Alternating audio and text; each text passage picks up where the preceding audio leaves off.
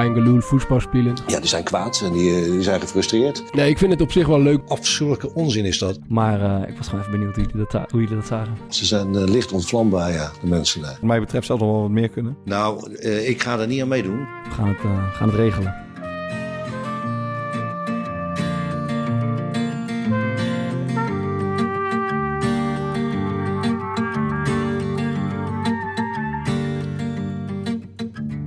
Lieve luisteraars, jullie kunnen opgelucht ademhalen. Het schaamteloze campagnevoeren is voorbij. De stembussen zijn gesloten. Geen oproepen, geen gezang meer. Kein geloel meer. Alleen nog Thomas, Maarten en ik die de week doornemen. Met vandaag het leven naast het voetbal. En de oplossing is terug en uh, we schieten vast nog alle kanten op. Uh, maar laten we beginnen jongens met uh, toch nog heel even terug naar die uh, afschuwelijke stemcampagne. de poging om de rivaliserende Keingeloel podcast uh, terug even, te een, even terug te pakken. Een hak te zetten. Ging niet ja. goed. Dat liep niet van een leidakje, Maarten. Ja, ik moet, ik moet Thomas even vertellen, want hier uh, was het meeste brein eigenlijk achter de video van Ernst ja. Appel junior. Ja, voor de mensen die dat niet weten, is misschien wel even handig om ja. uit te leggen dat Kangaloo podcast gaat over Feyenoord en Kangaloo voetbal spelen. Gewoon voetbal spelen. Dat heeft Ernst Appel ooit gezegd. Uh, en dat is een beetje ja, symbool gaan staan voor het Feyenoord van toen. En, uh, daar staat ook heel groot op de kuip nog aan de zijkant. Ja, daar wordt hij altijd om geroemd. Dus mooie, uh, mooie titel van een podcast. Maar wij dachten, ja, als zij Corpot uh, weet te strikken, dan moeten wij Ernst Appel junior wel, wel, wel kunnen strikken. En op een gegeven moment kreeg ze een nummer van Dennis van Eersel, Feyenoord correspondent van, van, van TV Rijnmond. En die zei van ja, het is wel moeilijk. Hij heeft een geheim nummer, dus ik ga het even vragen. Nou ja, ik uiteindelijk in contact met hem. En toen appte ik hem op, ik denk dat het op een maandag was. En uh, toen kreeg ik een bericht terug. Uh, ja, Thomas, ik kom, uh, ik kom donderdag bij je terug. Groeten en Kangeloel. Ernst. nou ja, op vrijdag zou die stembus dichtgaan. Dus ik dacht al van, nou, dat gaat niks worden. Maar inderdaad, op donderdag belde hij me. En nou ja, toen zei hij van, ja, ik kan wel wat doen, maar dat is niet goede kwaliteit. En ik wil graag de beste kwaliteit hebben. En dat kan ik pas maandag aanleveren. Ik zeg, ja, morgen gaat die stembus dicht. Dus dan heeft het eigenlijk geen zin. Dus toen zei ik al, ja, nou, oké, jammer. Dan, dan, dan wordt het hem helaas niet. Zei nou, oké, ik ga wel wat sturen. Ja, toen kregen we een filmpje. Dus wij handen wrijvend afwachten. Wat hebben wij nou binnengekregen om uh, de Kangaloo podcast hard te zetten? ja, ja, nou, ja. daar komt hij. Kangaloo, Ernst Happel hier. Kom op, geef je stem voor de Kangaloo pot. Jongens en meisjes, oma's en opa's en het hele legioen. Kom op, geef je stem. Dankjewel. Zie je in de Kuip. Ja, dit is echt waanzinnig. Ja, het is geweldig. Wij dachten direct dat we normaal ingenomen waren. Nou, ik dacht al vanaf het begin eigenlijk. Uh, die, die Dennis van Eersel, die heeft volgens mij gewoon... Uh, uh, een van de jongens van de Kangaloo podcast in zijn telefoon onder de naam Ernst Appel gezet en mij dat nummer gestuurd. Dan zou jij echt... Ja, dan was ik klaar zijn met je eigen spel. Ja, dus ik heb dat wel even gecheckt. Was inderdaad een Oostenrijks nummer. Ze hadden ze wel heel veel moeite moeten doen om, om dat voor elkaar te krijgen. Maar ja, nou ja, we kregen uiteindelijk dit. De, de vraag is dus of die echt loyaal is aan de, de, de, de Kangaloo ja. podcast... of dat hij het gewoon verkeerd heeft, heeft begrepen. Heeft hij ons nou genaaid of heeft hij gewoon helemaal niets van begrepen? Wat denk jij? Ik, ik denk het laatste. ik denk het ook. Ik denk dat we ons genaaid hebben. Opa's en oma's. Het was wel mooi. We hadden op Twitter zeg maar dit best wel breed uitgemeten. Ja. Um, dus wij speelden uh, vrijdag tegen MVV en... op het eind uh, raakte ik even in gesprek nog met Wesley. Dat is een van de gasten, uh, die werkt bij het AD... en dat is een van de gasten van de Kangaloo pot. En die vertelde dus dat hij op Twitter uh, die video van Ernst Happel zag komen. Mm. En dat hij toen eerst rustig is gaan zitten.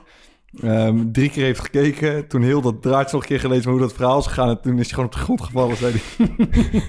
dat, hij, hij kon het gewoon niet plaatsen, zo mooi. Hij, hij ziet er ook uit, hè, die Happel. ja, opa's en oma's. hij heeft dus ooit een keer uh, uh, al een, een, nummer gemaakt. dat heet Kangaloo. Ah, ja. En ja, dat, dat, kunnen jullie toch niet echt onthouden, denk ik, of wel? Zullen we die ja, erin gooien? Een stukje. Klein stukje. Spelen toch staat, staat gewoon op, uh, op Spotify ook. Klein tipje voor de Kangaloo pot ook. Ja, ja dat is gewoon een wereldnummer. Be beter wij... dan hun huidige openingslied. Don't tell me what. Don't tell me when. Don't tell me where. Not now or then. Kangaloo. Heb, hebben jullie eigenlijk wel eens geluisterd naar de Kangaloo podcast? Ja, ik heb uh, van de week uh, afleveringetje opgezet. Wat vond je ervan? Nou, de- ze begonnen af, af laatste, ja, la- laten we gewoon eh, lekker verder. Het ging over passie. ja, en, eh, en het zijn, het zijn eh, zoals we vorige week goed zeiden, supporters en voetballers, die gaan elkaar nooit kunnen begrijpen, want het ging alleen maar over passie. Ze, ze begonnen met een soort van monoloog over wat, wat, wat Feyenoord allemaal wel niet betekende en wat passie wel niet was. En dan noemde hij eigenlijk alle, alle hoogtepunten van, van Feyenoord in de laatste nou ja, 70 jaar op. En dat was allemaal passie. En dat aanmodderen wat ze het grootste gedeelte van de tijd hebben gedaan daar in de Kuip, dat eh, was geen passie. Ik heb wel een beetje het idee dat wij eh, heel erg dik zitten te doen over de titanenstrijd tussen de Kangaloo podcast en die van ons. Maar dat die, dat die, wielren, dat die wielrenners er uiteindelijk wel mee vandoor zouden gaan, denk je niet? Ja, dat zou uh, zomaar eens kunnen.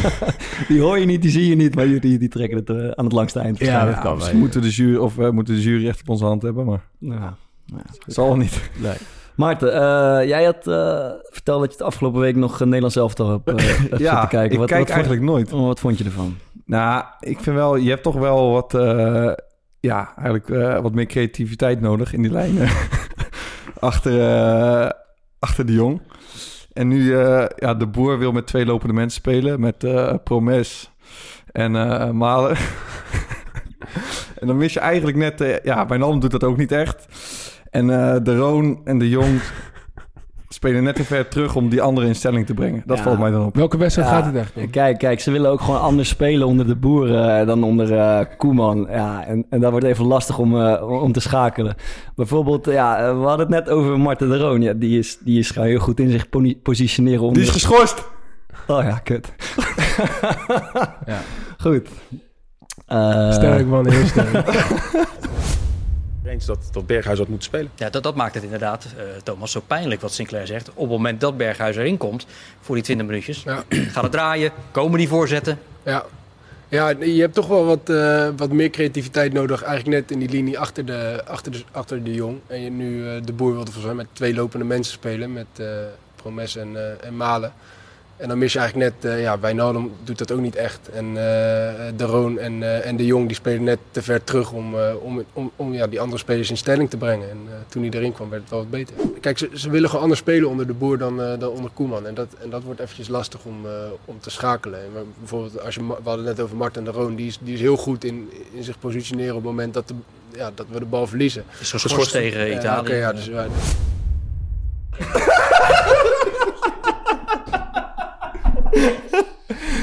Lekker man. To. Ja, nou, ik zat er wel lekker in, vond ik Je eigenlijk. hebt het weer even zitten uitleggen afgelopen maandag. Nou ja, dat, dat- ja, ik ga niet... Maar ik vond er wel... eh, ik, ik vond het toen... was die wedstrijd tegen Bosnië, vond ik Nederland zelf toch gewoon niet zo goed spelen. En, Ja. eh, en ik vond dat daar de... Dat daar de crux lag. Ja, ja, ja. Nee, maar jullie hebben, het, mooi. jullie hebben het, eh, jullie hebben weer mooi, jullie hebben weer mooi in elkaar gezet. Nee, Oh, maar ik het wel het nou. is natuurlijk mooi. Kijk, eh Michel stuurde, Michel Breus stuurde ook een berichtje in de groepje. Dat onderschrijf ik echt. Want eigenlijk, ja, je kan het eigenlijk best goed Ja. Maar, maar toch trekken we het slecht met z'n allen. ja, ja het, is, het is eigenlijk prima. Het past je best. Maar ja, toch denken wij... Maar je, ja, doet dus, ja, je zegt best wel zinnige dingen. die zit je dan een maandagavond, een half uur in Rijnmond voor eh 2,5 meijer. Met eh, Marco Bogers. Dan zit je even uit te leggen wat er misging bij je. 2,5 Ja, mei, is wel hè? leuk. Toch? Ja, wat krijg je dan ervoor? Eh, ja, jongens. We hebben het over salaris gehad. Daar ga ik natuurlijk nu ook niet eh, over uitweiden. Maar eh, even, serieus, hoe vind je het leuk om te doen? Nee, ik vind het op zich wel leuk om te doen. Maar eh, wel lastig. Want ja, het, eh, precies wat je zegt. Ja, dan beklijf je toch een bepaald gevoel van... eh, ik- zit nu een beetje inderdaad te vertellen hoe het Nederlands elftal zou moeten voetballen. Ja. Terwijl ik eigenlijk nooit in, in de verste verte in de, in de buurt ben geweest van het niveau van Ja, elftal. maar dat kan je natuurlijk van Bogers ook zeggen. Maar die zitten daar ook zonder enige gêne daar... eh, uiteindelijk zijn er zoveel oudspelers die zo zonder enige gêne daarover zitten te maar je kan het ook prima wel- wel op zich, goed zien. eh, Op zich kan je het wel goed zien inderdaad. Maar het moeilijke is, kijk, en, en dat probeer ik niet te doen. Ik probeer niet eh, heel eh, rechtlijnig, heel negatief te zijn over, over voetballers. Want dat vind ik altijd veel te kort door de bocht. Ja. Er, er zit wel een bepaalde gedachte achter. En ik vond wat ik hier zei, vond ik niet zo, eh, vond ik niet zo raar. Eh, word je nou opgedragen om die, om, om die wedstrijden te kijken? Of moet je dat, doe je het eigenlijk voor jezelf al? Nee, dat is wel, is wel handig als je... het- Maar dat- je, weet, eh, je weet ongeveer waar het over zou gaan. Het gaat over je leest het draaiboek ook niet altijd van de Hè? podcast. Nee, van de podcast niet, nee. Nee, daar uh, spreken ze meestal gewoon eh, door met, eh, met de presentator. eh, de, eh, eh, die hebben een presentator gevonden die ook Bart heet, die wel kan presenteren. Ja. Maar eh, zou je het leuk vinden om dit bijvoorbeeld bij eh, Fox te gaan doen? Weet ik niet. Eh, op, zich, op zich vind ik het eh, echt leuk om te doen om, om wat inhoudelijker te kijken. Alleen vraag me af of, of, of mensen dat echt interessant vinden. Dus het lijkt me wel, kijk, waar ik me heel vaak aan stoor bij bijvoorbeeld Fox en ook bij de NOS, is dat, is dat er gewoon veel te makkelijk dingen geroepen worden. En dat degenen die daar zitten, daar zitten omdat ze hoog hebben gevoetbald en, en, en goed kunnen praten. Maar, maar ik heb vaak wel het idee van, nou ja, volgens mij hebben ze niet echt. Ik verbaas me eigenlijk wel over dat je nog nooit voor zoiets gevraagd bent. Ja, nou ja, dat. eh, ja. Want bijvoorbeeld bij Fox, kijk, Kees Kwakman, eh, oké, die heeft wel een, een betere carrière gehad dan bijvoorbeeld jij en ik. Nou, hij- Kees is, is een goede, vind ik echt een goede speler. Ja, vind ik Ja, ook goed, man. Bij, bij hem heb En ik ook, inhoudelijk eh, ook. Ja, maar, maar dat is, dat ik bedoel dat is een hartstikke groot Mhm. succes. En eh, ik luister niet naar veel mensen graag, maar Kees Kwakman vind ik al, hij is Ja. ook nog best wel grappig, maar hij Ja. zegt inhoudelijk goede dingen. Ik vind hem ook niet, eh, niet echt kort door de bocht inderdaad, of heel makkelijk van, hé, hoe kan dat nou? Of Ja. wat, weet je, dus ik had eigenlijk misschien wel verwacht Maar dat, denk ik- eh, ik- ik dat kijk- bij jou terecht zou komen. Nee, ja, kijk, ik heb, ik heb vanaf het begin gezegd dat ik het leuk vind om te doen. Als ze me vragen, ga ik het doen. Het is niet dat ik eh, per se een carrièrepad eh, heb uitgestippeld daarin. Zoals eh, Bart, andere mensen hier aan tafel misschien Gaat wel. hij, gaat hij aan de mij doorspelen? als we het over kort door de bocht hebben, Nee, dit ligt mij totaal niet overigens, maar ga verder. eh, moeten we nog even over Lodewijk Asscher hebben of niet? Ja, dus eh, vandaag een Lodewijk-gate eh, ontstaan. Ja. nee, ik had gezegd dat ik hem, dat ik hem niet trok. En eh, ja, was wel een beetje kort door de bocht. Maar aan, aan de ene kant vind ik wel eh, dat PvdA, die eh, regeerde toen samen met de VVD... en die hebben toen een paar eh, beslissingen gemaakt... die niet echt in lijn waren met hun eigen idealen... maar wel ervoor hebben gezorgd dat, eh, dat Nederland er eh, eh, economisch weer bovenop kwam. En Mhm. daar is die op afgerekend. En mede door... eh, door Lodewijk Asscher, die heeft hem dat, eh, ja, die, die heeft hem toch wat dieper in de, in de penarie gedrukt, die Diederik Samson. Dus dat, eh, ja, dat is gewoon een daad die eh, in mijn ogen onvergeeflijk is. Ja, wat het mooie was, dus ik, eh, ik was even bij mijn broer vanmiddag en ik zie ineens eh, een berichtje binnenkomen. eh, Lodewijk Asscher is gaan volgen op Twitter. Maar Thierry Baudet is, ons- ook gaan volgen een Ja. terug, maar dat was een fake account. dus ik kijk, maar ik zie zo'n blauwe vinkje. Ik denk, krijgt, het zal toch niet? Ik. Kijk, ja, Lodewijk Asscher, politiek leider, PvdA, 330.000 volgers. Ja, ik moet eerlijk zeggen, toen, ik, toen jij het stuurde, toen eh, sloeg mijn hart wel een paar keer over. Van, waarom moet je nou weer zo... eh, waarom waarom moet je dat nou zeggen? Ja. Maar ja, je ik- weet eigenlijk helemaal niks van politiek Dus, en dan Eh, ga je toch ga uh, je zulke weer dingen in zeggen. taal zitten. Maar ik begrijp dat we misschien de gelegenheid krijgen om het een beetje recht te zetten binnenkort. Ja, ehm, we mogen zelfs Lodewijk zeggen. Hoor. Ik begon, ik, begon in... eh, ja, Ja. Ik slide hem natuurlijk rechtstreeks die DM in Ja, bij ja, eh, ja. meneer. Ja. En ehm, ja, dat ik het idee had... eh, of dat wij het idee hadden dat hij misschien wel naar onze podcast luistert... Ja. omdat hij ons gaan volgen. En dat we het eigenlijk eh, niet verwachten, maar wel hopen. Ja. En dat we het heel leuk zouden vinden als hij een keer zou willen aanschuiven. En, hij- en hij reageerde hartstikke vriendelijk en leuk. En eh, hij zei, jullie hebben een hele leuke podcast. Ik heb nog wel wat werk te doen om de PvdA aan een beter daglicht te zetten. Ja. Zei met een knipoogje. En eh rechtsbuiten is die geweest. Ja, Waar moeten we het in godsnaam over hebben met... eh, ja, over ik die denk, dat, ik Samsung denk dat Maarten wel... eh, Maarten is redelijk politiek... eh, Correct. ja, en, eh, en betrokken. Die, die, die weet altijd wel een hoop. dus ik denk dat Maarten zijn hart ophaalt als die, als die langskomt. we gaan het, eh, gaan het regelen. En Trouwens, één dingetje nog. Want ik kreeg trouwens gisteravond eh, eh, eh, een, een appje. En, eh, van, van, ik, ik zou niet eens meer weten van wie. Maar in ieder geval iemand die wees me erop dat hij iedere keer als hij dit weekend, afgelopen weekend, tv aanzette. ik, ben, ik ben Bart Vriends mediaziek, heb ik voorbij zien komen. ja, zoiets. wie was dat er? Ik denk, ik denk Mart of M- Michel of. Mart Dijkstra Mart waarschijnlijk. Dijkstra. Ja. Ja, ik, ik kreeg gewoon meerdere appjes van mensen Ja. die, die zeiden van... Is die nou, weer? hij- Kan Is die weer? zien. Hij is wel lekker aan de weg aan timmeren. Dus Ja. ik- ja, nou ja, dat... eh, De pijp is nog steeds niet leeg. Er, komt nog meer, er, is nog meer in, er zit nog meer in het vat. Ja. En een heel puntje gepakt in de kuip. Dat, eh, Ja, ja. ja To, jij hebt zitten kijken. Zeg het maar. Zeg het maar. Feyenoord Sparta, maar je moet het weer uitleggen maandag, denk ik. nee, nee, nee. Deze week eh, zit ik niet. Dus ik heb ook eigenlijk niet gekeken. Oh, je hebt echt niet gekeken? Nee, ik was, eh, ik was, ik, moeten was, winnen, ik, was, man. ik was aan het padellen. Jullie hadden moeten winnen uiteindelijk nog. Ja. eh Deroy, oh, zonde. Ja, maar ja, ik zei, ja, we hadden het volgens mij vorige week hebben we het even over eh, Justin Bijlo gehad. Ja, goede redding man. Stuk. Jezus. Dat is natuurlijk de beste keeper ongeveer van, eh, van, eh, van de Eredivisie. Op, eh, misschien op Onana. Nana is denk ik nog op wel. na, na, na. Eh, maar Oh, na, na, na. hebben die van de Sabel eens gezien? Die is Ja. lekker. Ja, die is ook zo lekker. Gooi dat? Ja, gooi erin, vind ik toch zo lekker, joh. André Onana. Zo, André Onana. De gemiste mogelijkheden, de kansen die we gehad hebben. Donny die daarvoor nog op de, op de kruising schiet. Ja, dan, dan zak je eigenlijk bijna ook door je, door je stoel heen. En dan eh, is, het, is het eindsignaal eh, is natuurlijk ongelooflijk. En, eh, André Onana! Onana! Yes? This is uh, a very good goalkeeper. He's still very young. Zo leuk. Ik denk dat die wel, ik denk dat die wel een fles wijn achter de kiezer had daarna. Eh, nee, maar eh, terug. Die, eh, ja, we hadden kunnen winnen, man. Eh, voor het eerst. eh, ik heb ooit één keer gewonnen in de, in de Kuip met de Go Ahead Eagles. En vorig jaar waren we ook dichtbij. Kregen we in de laatste minuut eh, gelijkmaker er tegen. Eh, en nu had het echt gekund. We, moesten even een kwartiertje zoeken aan het begin. Eh, een paar kansen voor Feyenoord. En daarna waren we, zeker in de tweede helft, eigenlijk... eh ja, nou, heren meester is misschien overdreven. Maar we, waren echt, we hadden goed. echt tegen de, tegen, de, tegen de eigen helft gedrukt. En eh Deroy Duarte, ik weet niet of die, of die luistert... maar had hem mogen binnenschuiven. Jammer. Ja. Ik had hem wel maar ik moet zeggen, ik moet, daar wil ik wel over zeggen, die redding van Bijlo. Ja. Ehm, bij keepers onderling gaat het de laatste jaar heel veel over eh, in het blok komen. Ja. Dus dat is zeg maar een beetje zo'n Duitse keeperstechniek. Ja. Ja. En dat, is, dat kan vooral als je gewoon groot en, ster- en, en sterk bent, bijvoorbeeld zoals Bijlo, kan Ja. het ontzettend effectief zijn. Wat is in het blok komen? ja, Dat dus je rechtop blijft. Ja, dat je rechtop blijft staan, dat die knie vaak Ja, een ja. beetje naar beneden Die gaat. hand- Dat je zelf gewoon groot maakt en tegen je aan laat schieten. Dat is een beetje die handbal-achtige... Ja, zaalvoetbal. Ja, of ijshockey ja. wordt er soms een beetje mee, mee vergeleken. Ja. Maar dat is alleen heel effectief, vooral met zulke ballen ook, als je hem echt perfect timed. Dus de afstand tussen jou en de speler moet eh, goed zijn. Je kan niet te vroeg gaan, want dan word je zo gechipt. Ja. Eh, als je te laat bent, gaat hij tussen je benen door. Maar hij deed echt perfect. Ehm, zeg maar, wachten tot eh Duarte bijna bij de bal was. Goal verkleinen, stilstaan. Ja. Wachten tot hij eh, zeg maar, naar beneden kijkt, in het blok gaan. Ja. En dan kan je hem eigenlijk bijna niet langs beschieten. En Ik zie hier wel een, eh, een keepersanalist Ja, ja, eh, geboren worden. Harm, Harm Zijnstra van de Club Podcast. Ja, maar hoe, eh, wat is het alternatief dan? Want je hebt in het blok gaan en wat Nou, is het je, je kan bijvoorbeeld, wa- eh, wat Kenneth Vermeer heel vaak deed... en die was ook goed omdat hij heel snel was... die zou altijd met, naar zo'n bal met zijn handen naartoe gaan. Ja. Zeg maar, daarvoor. maar als je dan te laat bent, dan chipt hij hem over je heen. Ja. Ehm, wat bijvoorbeeld Robin Ruiter had dat denk ik dit weekend eh, ook. Dat zag ik trouwens bij Harm Zijnstra. Ja. Ehm, die kwam ook in zo'n situatie. Maar die, die afstand tussen hem en de eh, speler die schoot was te groot. En als je dan in zo'n blok gaat zitten, ja, dan schuif je hem zo er langs. Ja. Dus dat is echt, dat gaat soms om een half metertje of een meter. En dus om de juiste timing. En dan ziet zo'n redding van Bijlo er eigenlijk best wel simpel uit. Terwijl dat is echt niet zo makkelijk als Nee. dat het eh, eruit ziet. Ja, ja, ja. Dat is voor aanvallen ook kut, man. Want je zoekt, je zoekt een beetje het gaatje en je, en je kijkt ook naar de beweging zeg maar, van de keeper. En Ja. hij blijft nu gewoon staan en zegt gewoon, ja, schiet hem er maar langs. Ja. Of schiet hem maar eh, op een plek waar mijn handen nog niet Ja. zijn, maar wel kunnen komen. Ja. Dus dat is echt... Ja, want, echt want waarschijnlijk ehm, veel mensen die die actie zien, die denken van die Duarte schiet hem gewoon recht op hem. Ja. Maar ja, hij zag waarschijnlijk ook niet echt een veel betere Ja. optie zeg maar, op dit Het is moment. wel grappig. Dit is echt iets van de laatste eh, tien jaar of zo, toch? Want dit, dit zie je volgens mij... Ik denk misschien is Neuer of die Neuer, Duitse Neuer. zijn hier ongeveer mee begonnen. Maar dit, Ja. we hebben het net over Van der Sar.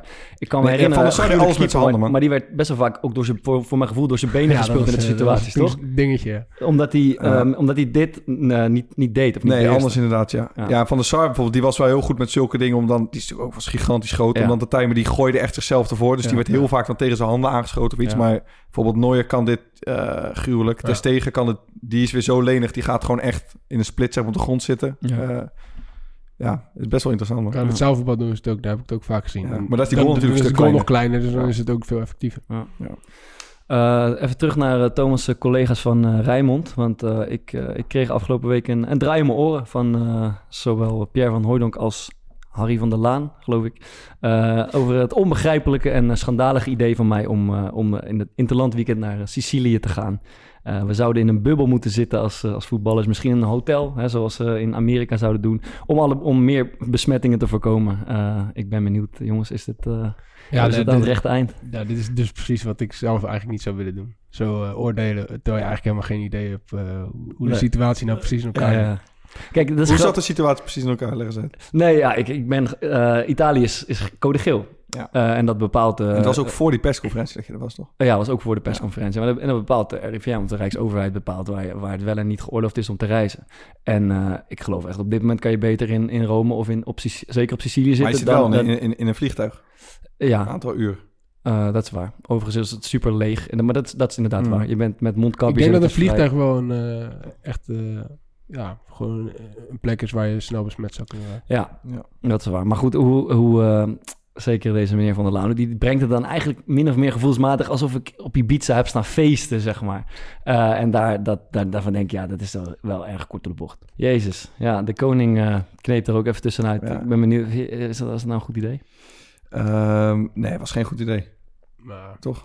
Ik weet, ja, ik, ik, ik sta eigenlijk op een iets ander punt. Ik denk, laten we elkaar eh, ook een beetje met rust laten. Dat armoedige, dat, dat- ik weet niet, het is ook zo Hollands dat het ge, ge- gesnitcht de hele tijd. eh, van ja, dat, dat kan niet wat je, wat je doet. En die man is, eh, kijk, dat het grapperhaus is tot daaraan toe. Dat is de minister en die moet, de, die zelf handhaafde. die moet ja. zelf die regels handhaven. Maar is, is de voorbeeldfunctie van de koning minder? dan- Natuurlijk heeft hij ook een voorbeeldfunctie, maar... Ja, maar niet een voorbeeldfunctie. Ja, maar hij wat wordt, is nou de rol van de koning? in- Nou ja, precies. Hij- hij Dat wordt- hij helemaal niemand? Hij wordt, dus puur, ook helemaal hij wordt dus puur, nou blijkbaar wel, maar hij wordt dus puur betaald van belastingcenten.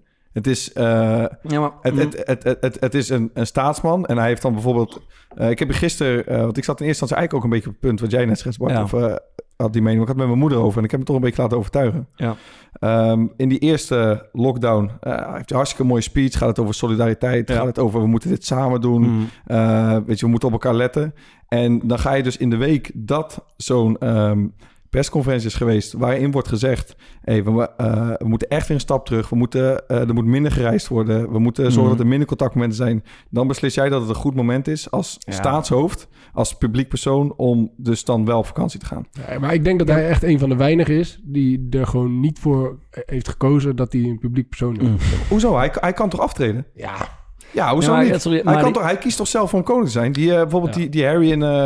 ja die Eh, zijn, eh, die, die zijn toch ook afgetreden? Ja. Of, maar eh, maar die, hebben, die, Irene die, hebben volgens mij ook goede strontkouders erin gekregen toen ze dat deden.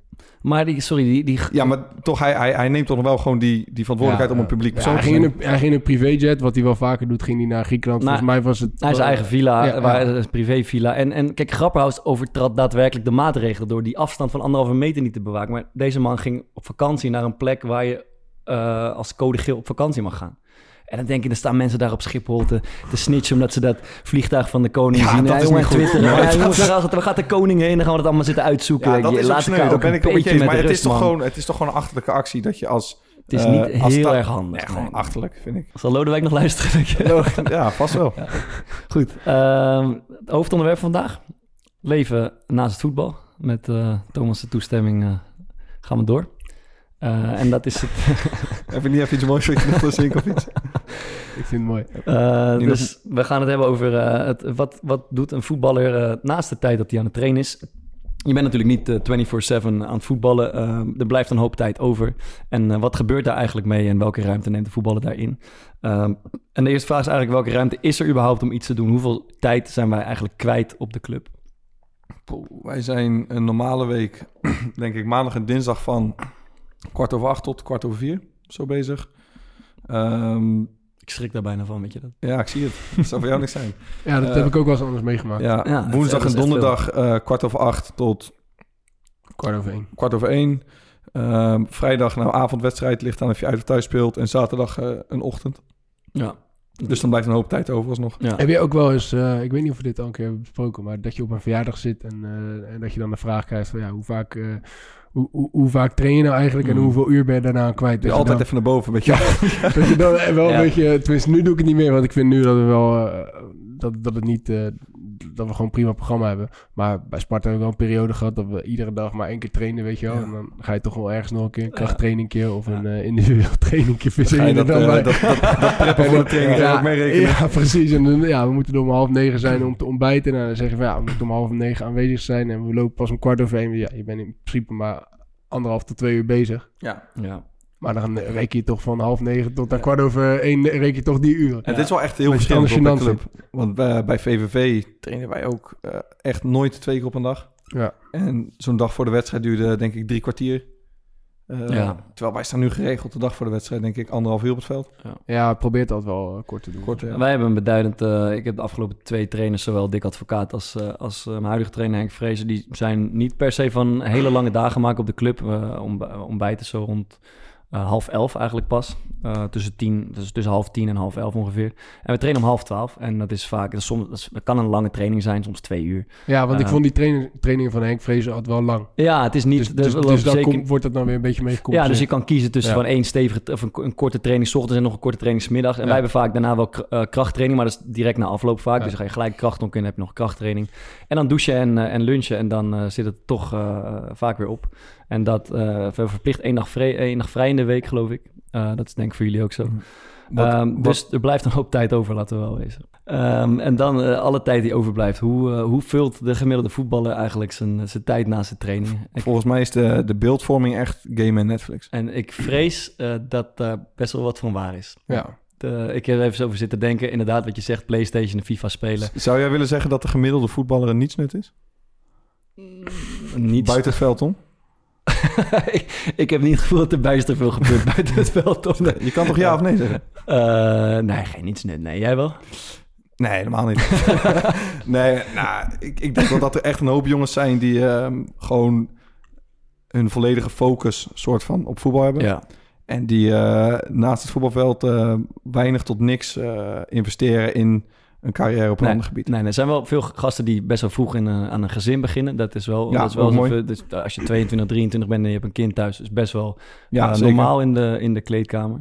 Maar inderdaad, als je zegt echt investeren in iets anders dan, eh, dan voetbal, eh, eh, studeren of iets, dat is nou, voor gemiddeld... Hoe- eh, hoeveel jongens studeren er bij Sparta, denk je? Of hebben er een, een diploma?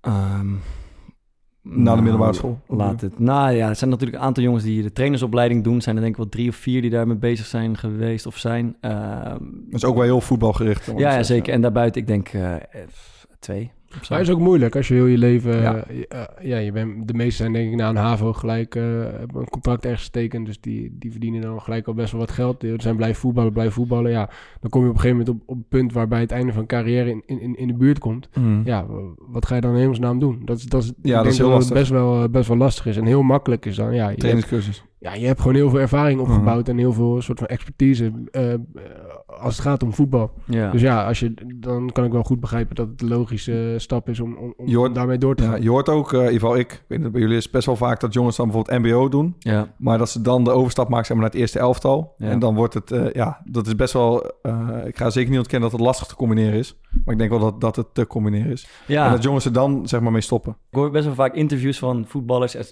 vooropgesteld, ze moeten het helemaal zelf weten. Mm.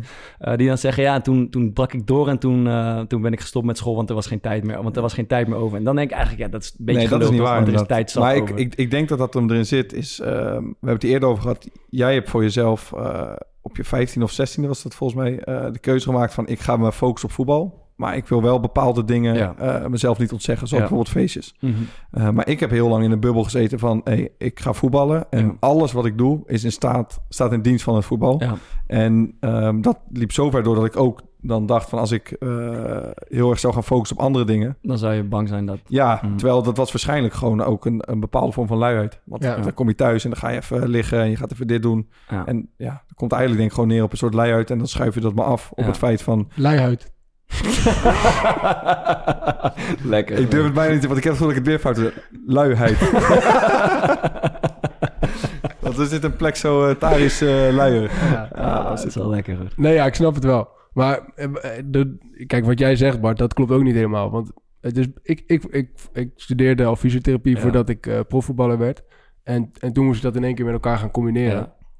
En ik vond dat wel, ik vond dat wel, ik vond het wel best wel pittig. Ja. Want eh, eh, ik was gewoon gewend om in normaal studietempo die studie te Ja. doorlopen. En dat moet je dan wel eventjes... Dat, eh, dat, vind ik, dat zou ik niet kunnen, man. Maar je, je, Nee, hebt toch, maar je hebt een voltijdstudie gedaan toen? ja, ik deed een voltijdstudie, maar Precies. die heb ik vervolgens wel... eh, ja, het laatste, laatste gedeelte heb ik echt lang over gedaan. Omdat Ja. ik gewoon vanaf het begin heb gezegd van... Nou, mijn prioriteit ligt nu absoluut niet bij Ja. eh, studeren. Ik vind het heel belangrijk dat ik het überhaupt ga halen. ja. Dus, dus daar ga ik me ook voor inzetten.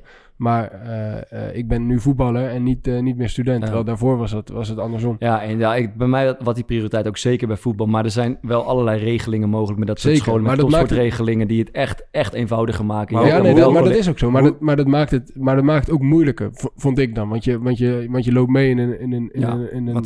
In, ja, hoe heet dat, in een regulier schooljaar. Ja. Eh, dus je, je hebt klasgenoten die je in principe nooit ziet, omdat je regelmatig niet aanwezig kan zijn. Ja. Eh, je moet waarschijnlijk, tenminste, ik moest dan projecten doen met andere.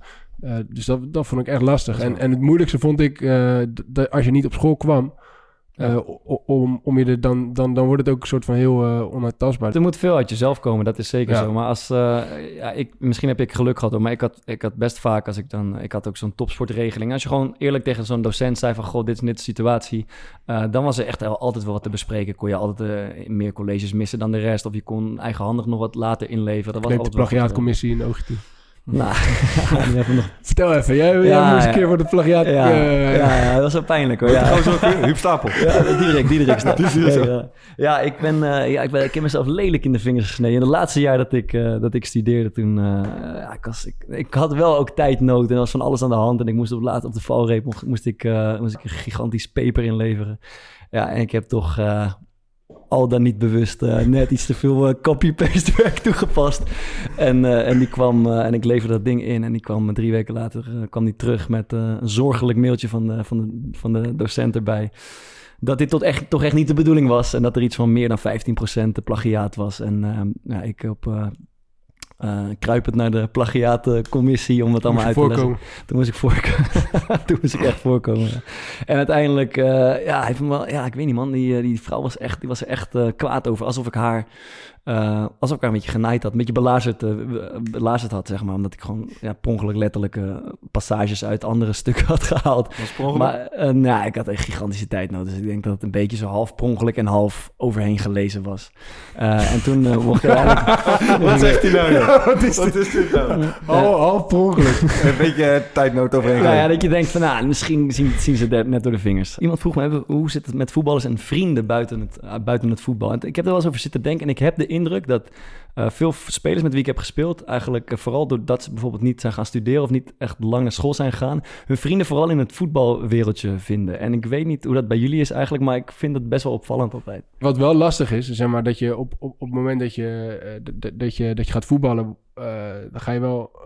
dus je hebt, niet meer, je hebt niet meer een normaal weekend, zeg maar. En ik heb een moment in mijn carrière gehad dat ik echt gewoon serieus bezig was met. Eh, misschien wat te serieus, maar wel echt bijna obsessief bezig was met mijn voeding, met rust en weet ik het wat. En dan, en dan passen een soort van sociale aangelegenheden. Die passen alleen maar op momenten dat het voor jezelf uitkomt. Ja, ja, En, eh, en dat, is, dat is voor andere mensen niet flex. Ja, Want- het doet me herinneren, want Madelon vertelde in de legendarische voetbalvrouwen-podcast... dat jij niet meer wordt uitgenodigd op feestjes omdat je zo vaak hebt afgezegd. Ja, Dus ja, ja, ja, nou, niet, niet bij allemaal, maar dat, dat, dat, komt wel, eh, ja, dat komt wel regelmatig voor. Dus Ja. als je nog ergens een feestje hebt. kan iemand Thomas Vaar nog een keer uitnodigen. Ik heb wel iets meegemaakt denk ik, wat, wat vrij uniek is. Hm. Eh, dat jaar bij, eh, in Venlo woonde ik met twee teamgenoten van mij samen. Clint Leemans en Tim Reserveur. Ja, En Clint ken ik een beetje van tevoren. Ik was goed bevriend met, zijn, eh, met een van zijn neven. ja. Eh, en Tim ken ik eigenlijk nog niet. Maar wij woonden in een, eh, eigenlijk een veel te grote villa met een zwembad met z'n drieën. En Clint is een ontzettend feestbeest. ja. Ehm, die, die heb echt nog nooit nee gezegd, denk ik, op een feestje of een eh, gezellig iets. Ja. Ehm, en die had een fantastisch jaar, dus die was altijd vrolijk. Ja. En Tim en ik zaten allebei, waren met heel veel eh, goede moed en goede bedoelingen naar Venlo gekomen. En dat liep volledig mis. dus wij waren ook misschien vaker dan dat we normaal gesproken deden, zeg maar, in de moed voor een eh, feestje of leuke dingen. Ja. Dus ja, ik heb eigenlijk een soort studentenhuis met drie voetballers. Ah, dat is toch heerlijk. een jaar. Dat moet toch heerlijk zijn. We hadden zo vaak, op een gegeven moment dat je dan heel de avond een beetje Champions League had gekeken. Of een beetje niet echt, was niet echt heel gezellig geweest, gewoon relaxed. En dan om 11 uur zei iemand, ik ga naar bed. En dan ontvlamde ineens een discussie over iets. En dan voor je het weet was het weer half twee Ja, of ja, twee ja. uur. Ja. Of dan werd iemand nog schep van, eh hey, zijn een paar mensen zus en zo daar? ja. Nou, toch maar even kijken. Ja, toch top, man. Ja, dat Jij, jij hebt ook met twee vrienden Ja, ja, gewoon nog eh, in de tijd van Go Eagles, toch? Ja, ja, zeker. Ja, ik, eh, met wie woonde je toen? eh, met ja, we voetbal boys speelden in de, in de hoofdklasse eh, in die tijd. Maar dat gewoon twee vrienden van mijn, van mijn school. Ja, ik heb daar geloof ik drie, drie jaar mee gewoond. En wij hadden precies hetzelfde. Eh, en ik had geluk, ja, in de, met Go Ahead Eagles speel je op vrijdagavond. Dus dat, ik woon in Amersfoort in de binnenstad. En dat, dat was top, man. Dan reden we naar huis na meestal gewonnen wedstrijd, vaak op vrijdag. En dan ja, kon je het weekend met die gasten de stad in. Ja, het was een, soort studie, verkapt studentenleven in een, in een halve profwereld, zou ik zeggen. Ja. Dan gaan we even door naar wat er, wat er naast het voetbal nog meer kan gebeuren. En wij hebben, we zijn op het rare idee gekomen om een, eh, om een podcast te starten bijvoorbeeld. En eh, een van onze eh, oude trainers, Alex Pastoor, die werd daarmee geconfronteerd met de vraag... wat vind je van dat profvoetballers een eigen podcast hebben? En hij was daar... Ik, Ja, je moet ook niet vertellen, vergeten te vertellen dat Nieuw de vraag wel een beetje... Absoluut. die, die was ingezonden door iemand. Ja. hij is, waarin profvoetballers kleedkamer Ja. eh, geheimen Ja. eh, delen met, de met de wereld. Ja, ja, ja. Ik, eh, dus ik ga Alex Pastoor even... even ja, het was... Ja, was wel een kleedkamergeheim hebben we deze week weer gedeeld. Hè? Nou, nou, die luisteraars zitten elke week weer te wachten. moet ik zeggen. En nog een paar voetballers op vakantie zijn geweest. Niets, niets. Dus eh, ik ga hem even, ik ga hem eh, Alex Pastoor quoten, maar eh, ik ga ervan uit, hij had toen nog niet geluisterd naar de podcast en hij ging er inderdaad vanuit dat wij kleedkamergeheimen deelden. Maar Ja. de kern van zijn boodschap is wel, is wel helder. Ik ben er niet zo'n fan van. Ze zijn, zij zijn er vooral om te voetballen. Hoe leuk ik dat soort dingen ook vind, ze zijn profvoetballer en als ze overal hun mening over verkondigen, maar ze vergeten hun taak in het veld of in de kleedkamer, dan moet je ze ook op de vingers stikken. Want als profvoetballer staat je leven 24 uur per dag in het teken van die ene wedstrijd.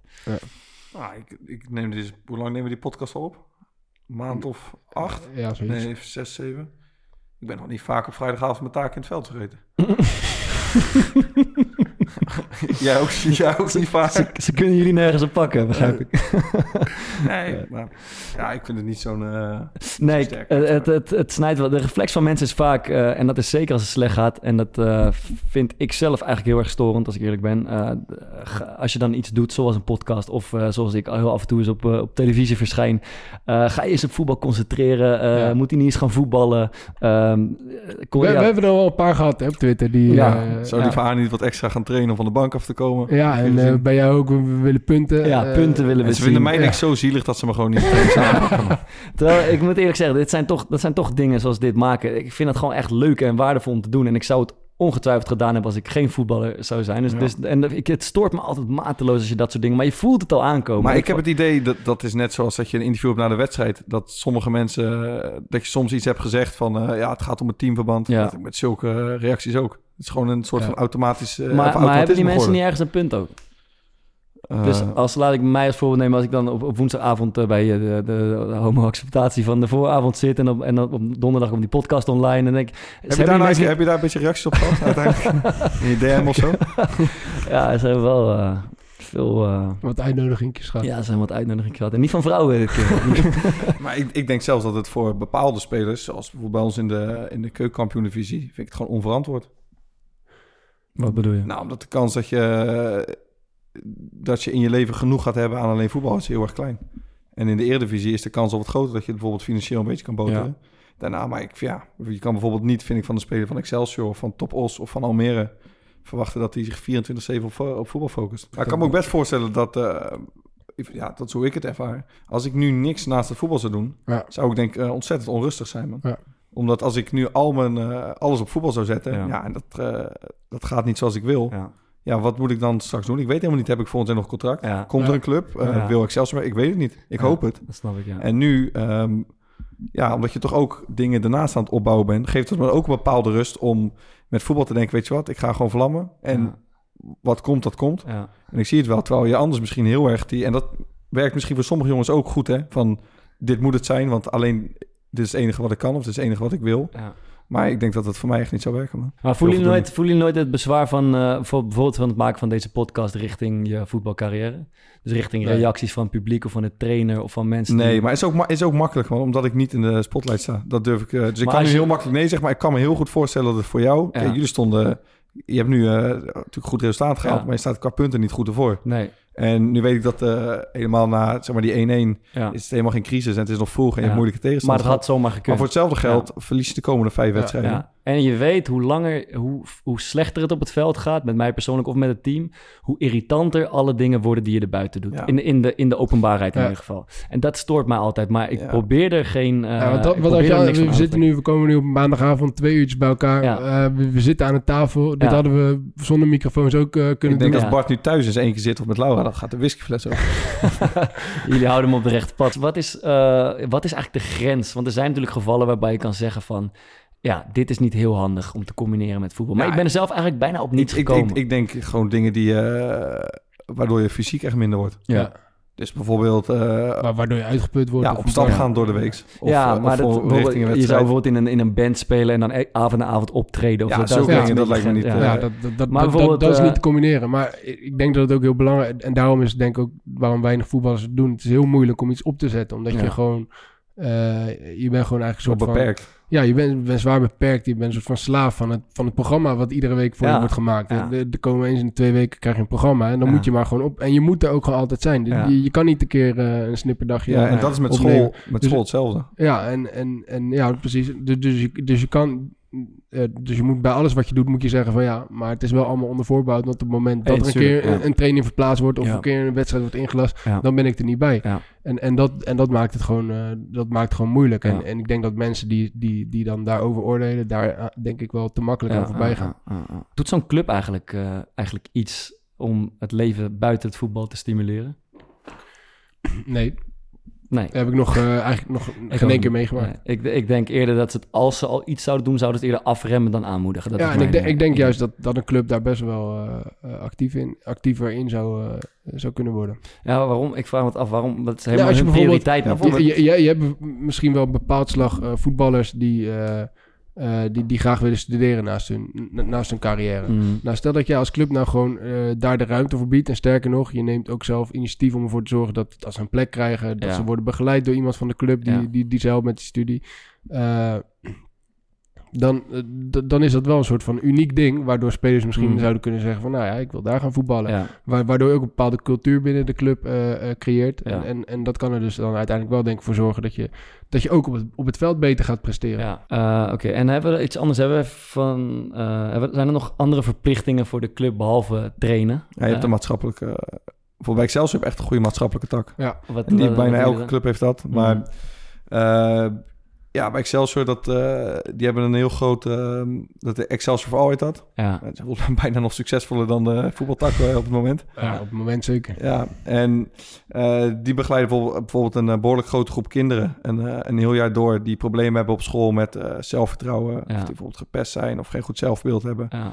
Eh, en die komen dan eh, na school daar en die gaan allemaal projecten doen in een groep kinderen. En die worden begeleid. En daar worden wij dan af en toe ook eh, bij ingezet op het Ja. eind. En dat zou wat mij betreft zelfs nog wel wat meer kunnen. Er wordt, niet, eh, wordt nooit heel enthousiast onthaald door, eh, door de Nee, spelers. je, hebt, je hebt gewoon eh, heel veel jongens die het echt doelbewust ontwijken. Ja. Of die willen echt niet. Ja. Ja.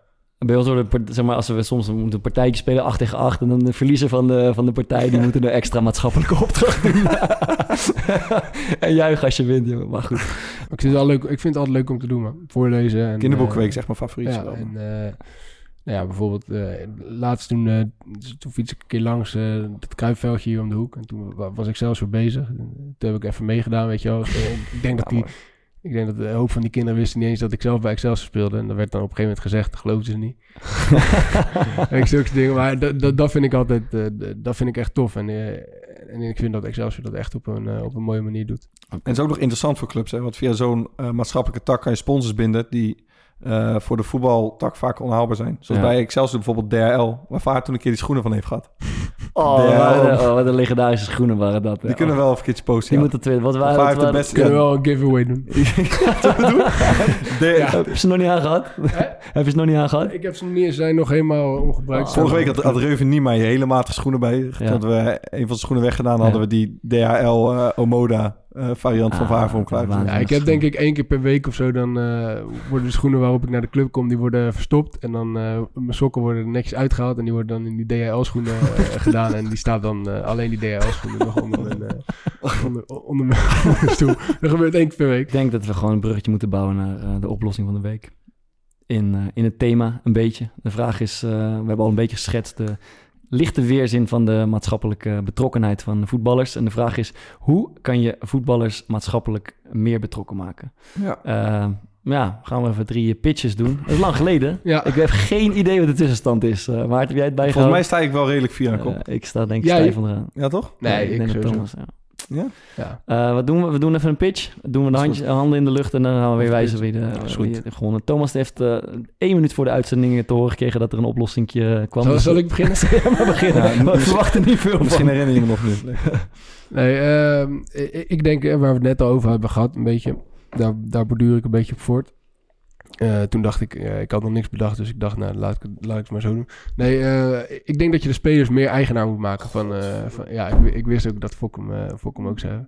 Je, je, moet, je moet spelers veel meer betrekken en, en dat, dat wordt wel geprobeerd, denk ik, bij clubs. Ja. Maar ik denk dat zo'n maatschappelijke organisatie bij een voetbalclub is ook gewoon een hele mooie kans voor spelers om zichzelf naast het voetbal wat meer te profileren. Dus je Ja. kan je- eh, spelers zijn vaak het uithangbord, maar je kan spelers zo'n eh, maatschappelijke tak ook gewoon laten runnen. Ja. En eh, ik denk dat dat heel, eh, het zou sowieso uniek zijn om dat te doen. En, eh, en ik denk dat je gewoon een stuk meer gedaan krijgt dan als, eh, dan als je dat niet door spelers. eh, dus dat is mijn, eh, mijn oplossing. Voilà. Ja, dan moet je ook nog even Ja, aan de bak, jongen. Dit was ook jouw idee. Nee, iets, iets anders. Hmm. Iets, iets beter heb ik hem. Hmm. Ehm, kijk, voet- voetballers zijn, eh, denk ik over het algemeen genomen toch... eh, ook als ik hier aan naar tafel kijk naar een van de twee... mag je zelf invullen wie het is. Eh, gewoon mediageil.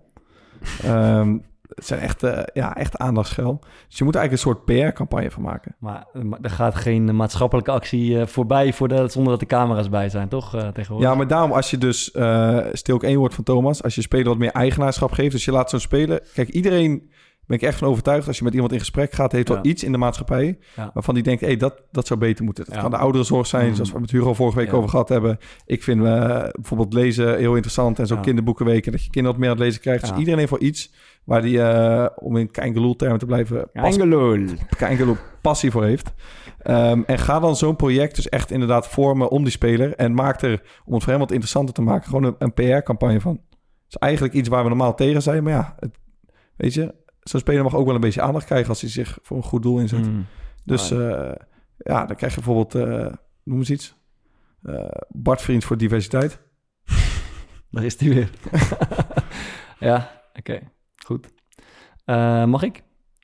Ja, dat is van Thomas maar. Wa- was je nog niet klaar? Ik weet niet, er zat er een punt, er stond er een punt achter. Uitopteken. Exclamation point. Eh, ja, ik, eh, ik ga het iets breder trekken. Eh, jullie weten, ik, eh, ik heb altijd een beetje getwijfeld aan de zin van een eh, trainingskamp. En eh, ik herinner me een eh, trip die ik in de A1 van FC Utrecht maakte. En we gingen in de, in de winter, januari, naar Gambia met elkaar. Heeft nou al gewonnen. Ja, maar dat Ja. was echt gruwelijk, man. Dat was zo vet. Eh, we waren denk ik, ja, hoe oud ben je dan? 16, 17. En we gingen inderdaad met de maatschappelijke tak van Utrecht... gingen we in een, een dorp in Gambia... waar we met, in die compounds leefden een week lang... en met die gasten gingen voetballen. En we speelden ook een toernooitje. En we leefden in die familie een week lang. En, en eh, telefoons waren natuurlijk daar niet. We hadden geen internet. En we waren gewoon ja, een week lang in een wereld die we totaal niet kenden. En toen maakte het al indruk. Maar toen waren we allemaal nog, zeker ik, ook nog een beetje schuchter... en misschien een beetje onverschillig over de wereld. Ehm, maar ik denk als je dat nu met een, eh, met een, met een ploeg zou doen, eens, eens in de twee, drie jaar of zo. Je maakt een uitstapje naar, naar een land in Afrika of in India of wat dan ook. Ik weet zeker dat het indruk gaat maken en dat je, eh, dat je daar sowieso als ploeg naar elkaar toe groeit. Dat is al een soort eh winstsituatie. Maar ook dat je wat ziet van de wereld wat je nooit eerder hebt gezien. in principe eh, heb je er dus zelf meer aan dan dat nee, de mensen waar je het Nee, ja, dat is, ik weet dat trainers zullen altijd denken, ah, eh, die zullen in termen van training en, en, en eenheid denken. Natuurlijk is dat ook een, een winstpunt, maar het vooral het opent je ogen voor dingen die in de wereld spelen die je anders niet had gezien. En dat heb ik, ik weet niet of jullie ooit in Afrika zijn geweest. Ik was er nooit geweest. Dat was mijn, voor mij de gelegenheid ook om een keer zoiets mee te maken. En, eh, en we raakten echt in, in, in contact met zo'n lokaal voetbalteam. En we trokken op met die jongens. En we spraken met elkaar allemaal in gebrekkig Engels. Want we begrepen er nog niet veel van. Maar het was, eh, was echt indrukwekkend. En ik denk, als je dat sowieso ook met een volwassen, volwaardige voetbalploeg doet. Met gasten die allemaal ehm, eh, ja, toch een beetje in een wereld leven die niet helemaal realistisch is en, eh, en het gemiddeld is. Nou, dan kan je daar best, eh, dan kan je daar best wat meer betrokkenheid van eh, bij de spelers eh, losweken, denk ik. Dus dat is mijn pitch. Laten we stemmen. Met de handjes in de lucht. 3, 2, 1. ja, dat wordt lastig. ja, dat wordt lastig. Gelijk spelletje. We het gewoon zo laten Ja. dan? Ik vind het ook prima ook. Ja, want ik, ik heb een Fokkert gestemd. Nee, ik, geef mijn- ik geef de stem die op mij gegeven is, geef ik aan Bart. Ja, waar slaat dat nou weer op? Gelijkspel is ook prima. Het is ook, het is ook een kut item ook. Tips van de week om mee af te sluiten. Van de Wiri. Ja, ik heb eh, weer een, eh, een, een doetip. Eh, midden in de lockdown liet ik Joep een keer uit. Ik denk rond een uurtje of twaalf s s'avonds. Ja. Eh, volledig uitgestorven op de straat. Ja. En ik eh, loop... eh, Er stond alleen nog GoShare scooters die ik kon gebruiken ook. ja, nee, ik, ik, ik, ik loop langs richting het Centraal Station en ik zie bij het Centraal Station zie ik iemand staan en, en ik zie dat hij mij ziet en hij trekt me in één keer een, een, een zieke sprint naar mij. En dat bleek uiteindelijk een, een, een, een, dakloze jongen te zijn.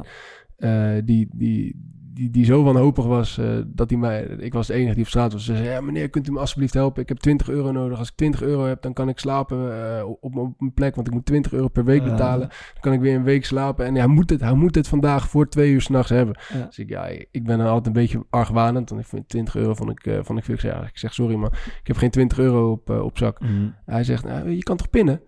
Ik zeg, ja, mijn eerste reactie is natuurlijk nee, maar ik dacht, nou oké, weet je wat, eh, ik ga pinnen. Dus ik loop met hem naar de pinautomaat en eh nou, pinautomaat deed het niet, want het was eh, lockdown. Al die pinautomaten doen het niet. Dus ik zeg, ja, gozer, ik kan hier niet pinnen. Hij zegt, ja, aan de andere kant van Centraal hebben ze ook pinautomaten.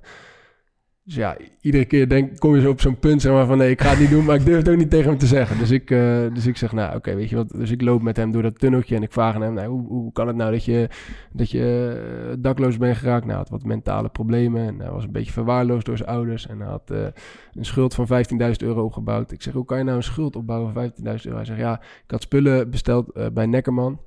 Eh, en die had ik doorverkocht. En want Neckerman die checkt helemaal niet of je dat überhaupt wel kan betalen. Dus ja, die uiteindelijk eh deurwaarde is mijn schuld opgelopen tot 15.000. Ik zeg, nou, dat is natuurlijk ook niet helemaal netjes van Neckerman. Hij zegt, ja, nee, maar ik heb het zelf gedaan. En, Oké, dus uiteindelijk komen we bij die pinautomaat aan de voorkant. Ook afgesloten. Ah, ja, ja. Hij zei, ja, je kan nog bij taxichauffeurs pinnen.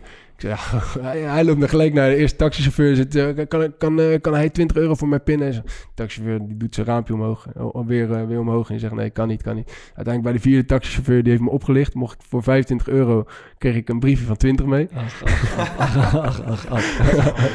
Dus ja, toen had die gozer uiteindelijk eh 20 euro gegeven. En ik dacht van, nou ja, daar gaat hij vast daar gaat hij van alles mee doen, behalve zijn huurbaas mee betalen. Maar eh, gisteren, of, ja, gisteren liep ik... Maar je hebt hem eh, vaak, ge- best wel vaak ja, ik heb, hem, ik heb hem redelijk vaak gezien. En eh, als ik geld heb op zak, dan geef ik het ook. Want ik vind altijd, ja, dat, dat geld dat kan ik zelf missen. Ja. Ehm, hij, hij, hij loopt hier altijd in Rotterdam rond. En toen zei ik op een gegeven moment tegen hem van... Ja, maar ik, je krijgt toch wel wat... Hij zei, ja, ik krijg wel wat geld. Ik zei, nou, je kan toch ook gewoon... Als je dan wat geld krijgt, kan je toch gewoon... Je kan toch één brood kopen en een, en een, een pot chocopasta. En dan kan je toch best wel lang mee doen. Hij zei, ja, maar ik ga toch niet eh, alleen maar chocopasta en brood eten. Ik zei, ja, maar ja hij zei, geen keuze. hij zei, ja, maar ik wil ook wel eens spaghetti. En eh, ik zei, ja, oké, nou prima. Maar toen kwam ik hem dus gisteren weer tegen. En eh, hij zag me al vanaf een afstandje aankomen. En hij begint in één keer naar me te zwaaien. Dus ik denk weer gelijk, godverdomme, daar gaan we. maar hij zag goed uit. En zei, meneer, super bedankt voor vorige keer. Feit, feit, ja. ik, ik krijg een eigen huis. En ik ben, hij zag er ook goed uit. Hij was Dus, opgeknapt. ja, dus, dus dat fabeltje dat, eh, dat als je zwervers eh, geld geeft... Nice. eh, dat ze er alleen maar slechte dingen van kopen. Dat gaat niet altijd op. En zeker in deze tijd hebben ze het hard nodig. Dus eh, geef als het, eh, als het kan. Populist. Goed. Ja, nee, ik vond hem echt leuk. Goed van. Ja. En eh, ah, niet zo na, joh. Nee, nee, oprecht. Ja. Eh, Hugo vertelde, gaf ons vorige week een tip. Charles Bukowski. Ja, En ik dacht, weet je wat? Ik ga nou eens gewoon een tip... eh, opvolgen. ja, dat is eigenlijk niet waar. Mijn moeder eh, is ook fan van Charles Bukowski. Dus Ja. ik had, ehm, ik twee dagen nadat de aflevering online was... een eh, pakketje in de bus met werk van Charles Bukowski. Mm. En dit is wel serieus echt waar. To, jij, ik denk dat je me belde van de week... of je appte dat verhaal over deze zwerver. Ja, En denk, die avond doe ik dat boek van die Bukowski voor het eerst open met gedichten.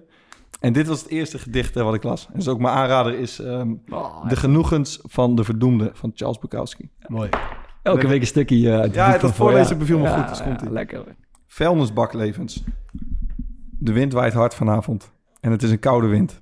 En ik denk aan de jongens van de dakloze opvang. Ik hoop maar dat er een paar bij zijn met een fles rood. Het is als je bij dakloos bent dat je merkt dat alles van iemand is. En dat er een slot zit op alles. Dit is de manier waarop een democratie werkt. Je pakt wat je krijgen kan, probeert dat te houden en er wat bij te krijgen als het kan. Dit is ook de manier waarop een dictatuur werkt. Alleen knechten ze daar hun paupers of maken ze ze kapot. Die van ons vergeten we gewoon. In beide gevallen staat er een harde, koude wind.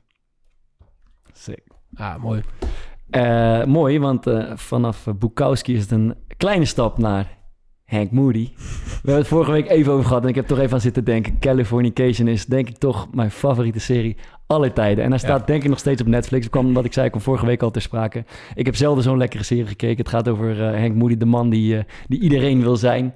Eh, in Heb jij wel eens een periode in je leven gehad dat je dacht dat je hem was? Ja, natuurlijk. Maar we schieten Ik allemaal... draag, maar, ik ik, ik draag alleen maar die zwarte t-shirt. Ja, zwart t-shirtje, denk oude, dat oude Porsche.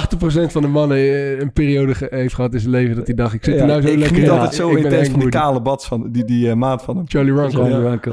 ja, dit is, we, we, we hopen allemaal een beetje Henk Moody te zijn. Of, eh, en we zijn het waarschijnlijk allemaal niet. Maar het Ja. is een, eh, een schrijver met een eh, writersblok... die een enorme teringzooi van zijn leven maakt. Ehm, en, en, en, en een beetje zwelgt in medelijden... maar zijn ex-vrouw niet los kan laten. En eh, ja, van die teringzooi maakt hij toch wel weer wat... omdat hij ontiegelijk veel charme en, eh, en humor heeft... en eh grossiert in, in prachtige quotes en uitspraken. Dus ja, als je... Ik heb het denk ik tien jaar geleden voor het laatst gekeken... maar volgens mij is het nog steeds best de moeite waard. Ja, is geweldig. En ehm, om mee af te sluiten, dus, ja, er zit schitterende muziek in de serie ook. En een, de, wat mij daarvan bijvoorbeeld is bijgebleven, is Gregory Allen Isaacoff. En daar wil ik graag mee afsluiten met Virginia May. Een van mijn favoriete liedjes. Dus Maarten, je wil nog iets zeggen? Nee, ik dacht, je gaat Californication afspelen. Oh, had ook nog gekund. Nee, die zit, ook die nog zit er ook helemaal niet in volgens mij, dat nummer. Wel een mooie naam. Goed, eh, daar sluiten we mee af. En eh, eh, bedankt voor het luisteren. En we zijn volgende week weer. Groetjes. All this time just trading crimes. The tombsmith packed the lunch, yeah, he's headed down the coastline.